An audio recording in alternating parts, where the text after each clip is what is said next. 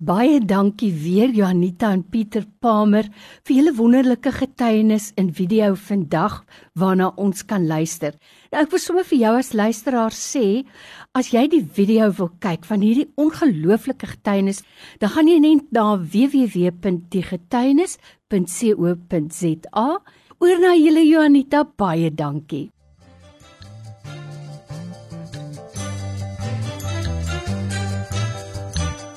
Baie welkom by die getuienis. Jacqueline, baie welkom. Baie dankie. Kom ons begin net met jou kinderjare waar jy verwerping ervaar het. Ehm um, my ma was 17 toe sy swanger raak met my en sy het vinnig met my pa getrou. En toe het hulle toe ek nog baie jonk was, maar 'n paar maande oud was, het hulle geskei. En my ma het toe weer getrou met my stiefpa, wonderlike man, baie lief vir my ma, ontsettend lief. Hy het my eintlik geleer hoe die Here, jy weet, ons kan aanneem en so ontsettend lief vir ons kan wees.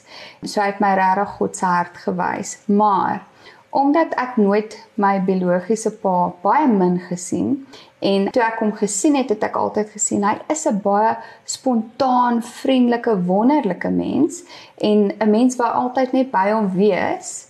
Maar hy wou nie by my gewees het nie. Dit het my regtig regtig laat dink daar's regtig iets verkeerd met my. En alhoewel my pa en my ma baie liefde vir my gegee het, ons het nie altyd baie geld gehad nie. En um, ek weet ons het baie keer gesukkel. Ons het tot op in 'n karavaan gebly op 'n stadium. Maar hulle het altyd vir my baie liefde gegee. Hulle het baie integriteit. Maar daar was hy leemte. Maar ek het nooit daai liefde ervaar nie. Mm. So en dit was nie hulle skuld nie. Mm -mm. Ek kon nooit besef dat iemand vir my kon lief wees nie. Want as jou eie pa nie vir jou lief is nie, hoe kan iemand, iemand anders vir jou lief is al is dit jou ma en jou stiefpa. En en hoe het jou tiener en jou jong mens lewe geaffekteer? ek het vir elke ou wat ek in 'n verhouding was, het ek altyd eers gesê ek's lief vir jou. Ek het nie lank verhoudings gehad nie ek wil net liefde gehad het. So ek het maar baie boyfriends gehad. Ek het seker 'n week met hom uitgegaan of 3 dae en dan is dit nou maar verby want ek voel nie meer daai euforia nie. En toe ek nou uh, in hoërskool kom, het ek my eerste ernstige ou gehad en ehm um, daar het ek regtig liefde er, ervaar. Maar die eerste keer toe hy 'n ander meisie soen en ek het in die kamer ingeloop. Toe voel dit vir my my hele lewe kom tot op 'n staanstil. Ek kon nie eens asemhaal nie. Mm. En as ek terugkyk, weet ek hy was regtig lief vir my. Maar obviously ons ouderdom was dit nou maar baie. Ek dink ek was baie baie possessive. so omdat ek so um insecure was, was ek baie baie possessive geweest. So ek wou net gehad het sy aandag moes alles op my wees. En na daai verhouding het jy deur 'n aanranding gegaan. Ja, na na daai verhouding was ek deur 'n aanranding en um, ek het voor dit het ek eers my oudste kind gehad, my uh, buiteegtelike kind met 'n ander man. En um, toe so 'n paar maande daarna was ek aangerand en toe raak ek weer swanger. As gevolg van die aanranding. Ja. OK. Want hy het jou verkrag. Ja. Mm. Ja. Okay. En ehm um, daar ek dink 'n mens dink jy kan nie meer gebroke wees nie. Elke keer wat jy dink ek kan nie meer gebroke wees nie, gebeur nog iets waar ek meer gebroke was. En dit was so ek het gevoel ek was op my einde en ek kan nie nog 'n kind in die wêreld inbring nie. Ek gaan hierdie kind so seer maak want as ek na hierdie kind kyk, gaan ek die hele tyd hierdie man sien. Jy gaan herinner. En ek was so bang hierdie kind gaan 'n seun wees want hierdie kind sou my aan hierdie man herinner. En um ek het toe besluit ek gaan vir 'n abortus. En van daai dag af was dit asof ek my emosies heeltemal afgesny het. En ek het besluit um that that's it. Ek kan nie meer nie. Ek kan nie meer voel nie. Ek kan nie meer eers reguit dink nie. Ek gaan net werk. Ek gaan suksesvol wees en um ek al die vroumense rondom my wil ek die mooiste lyk, like, ek wil die mooiste huis hê en ek gaan dit myself doen en ek gaan dit sonder 'n man doen. Dit was die enigste ding wat ek kon dink. Ek doen, ek doen 'n guns aan hierdie kind dat ek hierdie kind nie toelaat om lewe te kry nie. Ek het baie jare daarna tot bekering gekom en ek het na die Here toe gegaan. Ek het geweet wat het ek verkeerd gedoen. Ek het my emosies begine terugkry nadat ek die Here ontmoet het. Maar ek het geweet wat ek gedoen het was verkeerd in my kop. Maar met my hart het ek nie besef is ek nog steeds um bly dat ek daai besluit gemaak het nie.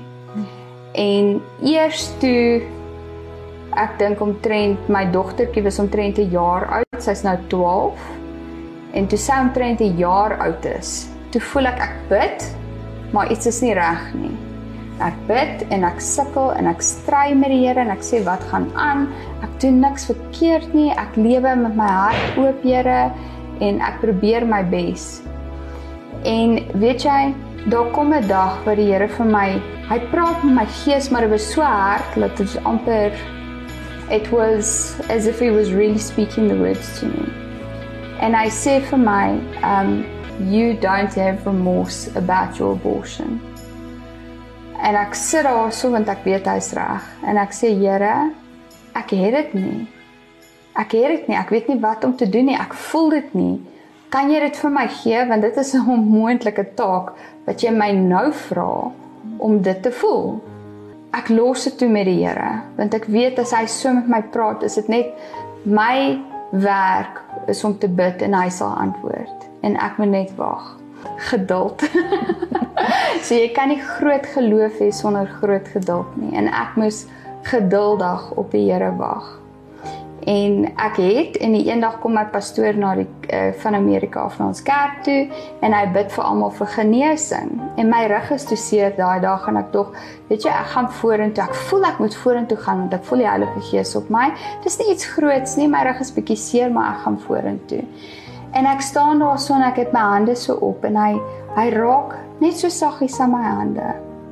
En in daai oomblik sien ek die mooiste meisie en ek sien sy het haar hande um in in die kerk. Sy staan en sy prys Here en sy's in um worship en sy staan en sy het haar hande op en haar hart is heeltemal heeltemal oorgegee aan die Here en ek sien dit en die Here raak my so aan en ek huil asof ek daai kind op daai ouderdom nou net verloor het en ek moes deur 'n tyd van uh, grieving gaan maar ek was so dankbaar dat ek dit kon voel.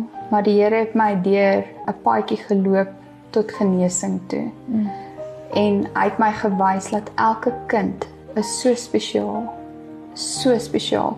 Dit maak nie saak hoe daai kind jy weet in die natural gemaak is nie.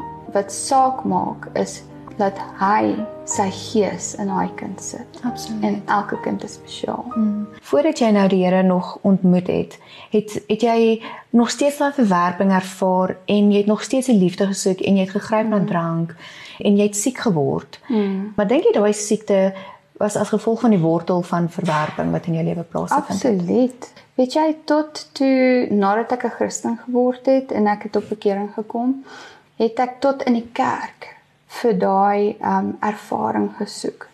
Ek het dit gesoek in die pastore, ek het gesoek in mense, ek het dit nog steeds gesoek in mense nadat ek tot bekering gekom het en ek het dit nie besef nie. En die eendag toe bid ek en die Here sê vir my Jacqueline, net so, Jacqueline, is ek nie genoeg nie. En weet jy, ek moes op 'n paadjie gaan en die enigste manier as enige iemand deur dieselfde ding gaan, die enigste manier om daar verby te kom is om to renew your mind with the word. So jy moet die woord vat en jy moet die verse vat wat Jesus sê. Hy is genoeg.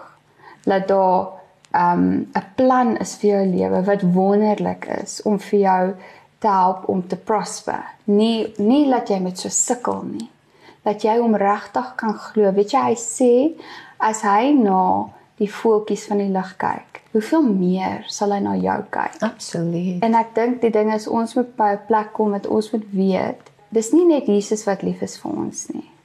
Ons moet lief wees vir onsself om te weet ons is okay, ons kan aangaan met die lewe en ons kan dit met vreugde doen, maak nie saak wat ons verlede wat in ons verlede is nie. Ons kan dit met liefde doen doen teenoor mense tot daai wat ons verkrag het. Mm. Tot daai wat ons nooit ervaar het nie, wat gesê het ons is nie mooi genoeg nie.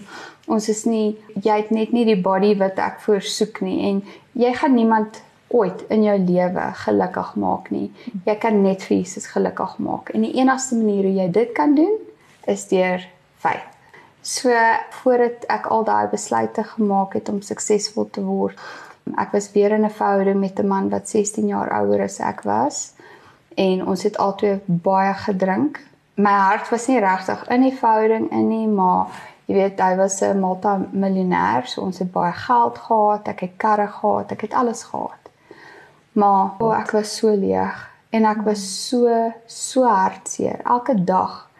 Uh die een gevoel wat ek altyd gehad het is dat ek voel hartseer. Dis die een ding wat ek altyd gevoel het elke dag van my lewe my sussie kom kuier. So ek het 'n rukkie terug met haar gepraat en gesê ek gaan my testament doen. En um deel van dit is sy is 'n deel van dit, maar dis nie 'n baie mooi stukkie nie en ek hoop sy sal kyk daarmee. Ek het die oulikste sussie. Sy het vir my gesê enigiets vir Jesus doen dit net sis.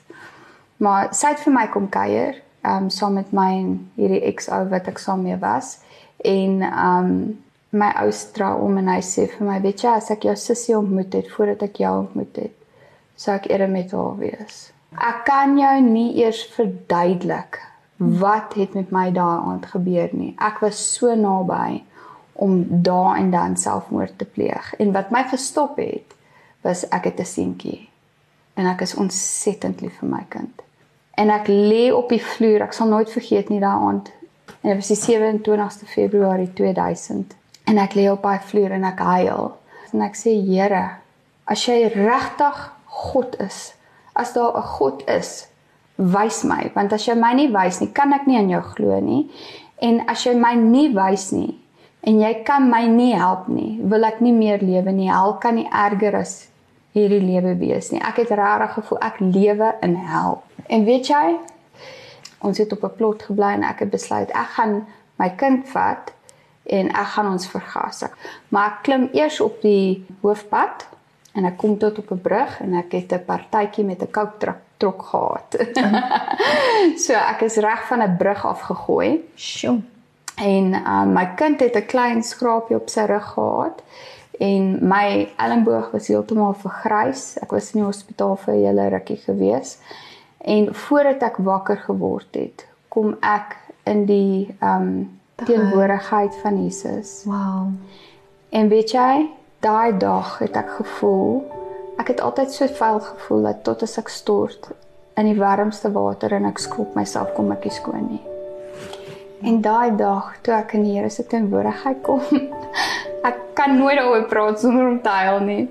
Want hy is so lief vir ons en ek wens elke liewe mens in die hele aarde kon daai liefde ervaar. Dat ek in sy teenwoordigheid kom. Dis dit asof ek 'n nuwe babatjie is en ek het nog nooit gesonde nie. En ek het hom nog nie eers gevra vir vergifnis nie. Mm. En dit was die een een eerste ding wat ek ervaar het. Die tweede ding wat ek ervaar het is liefde. Liefde is nie 'n emosie nie, God is liefde. Want sy liefde het in elke sel alles alles alles. Sure.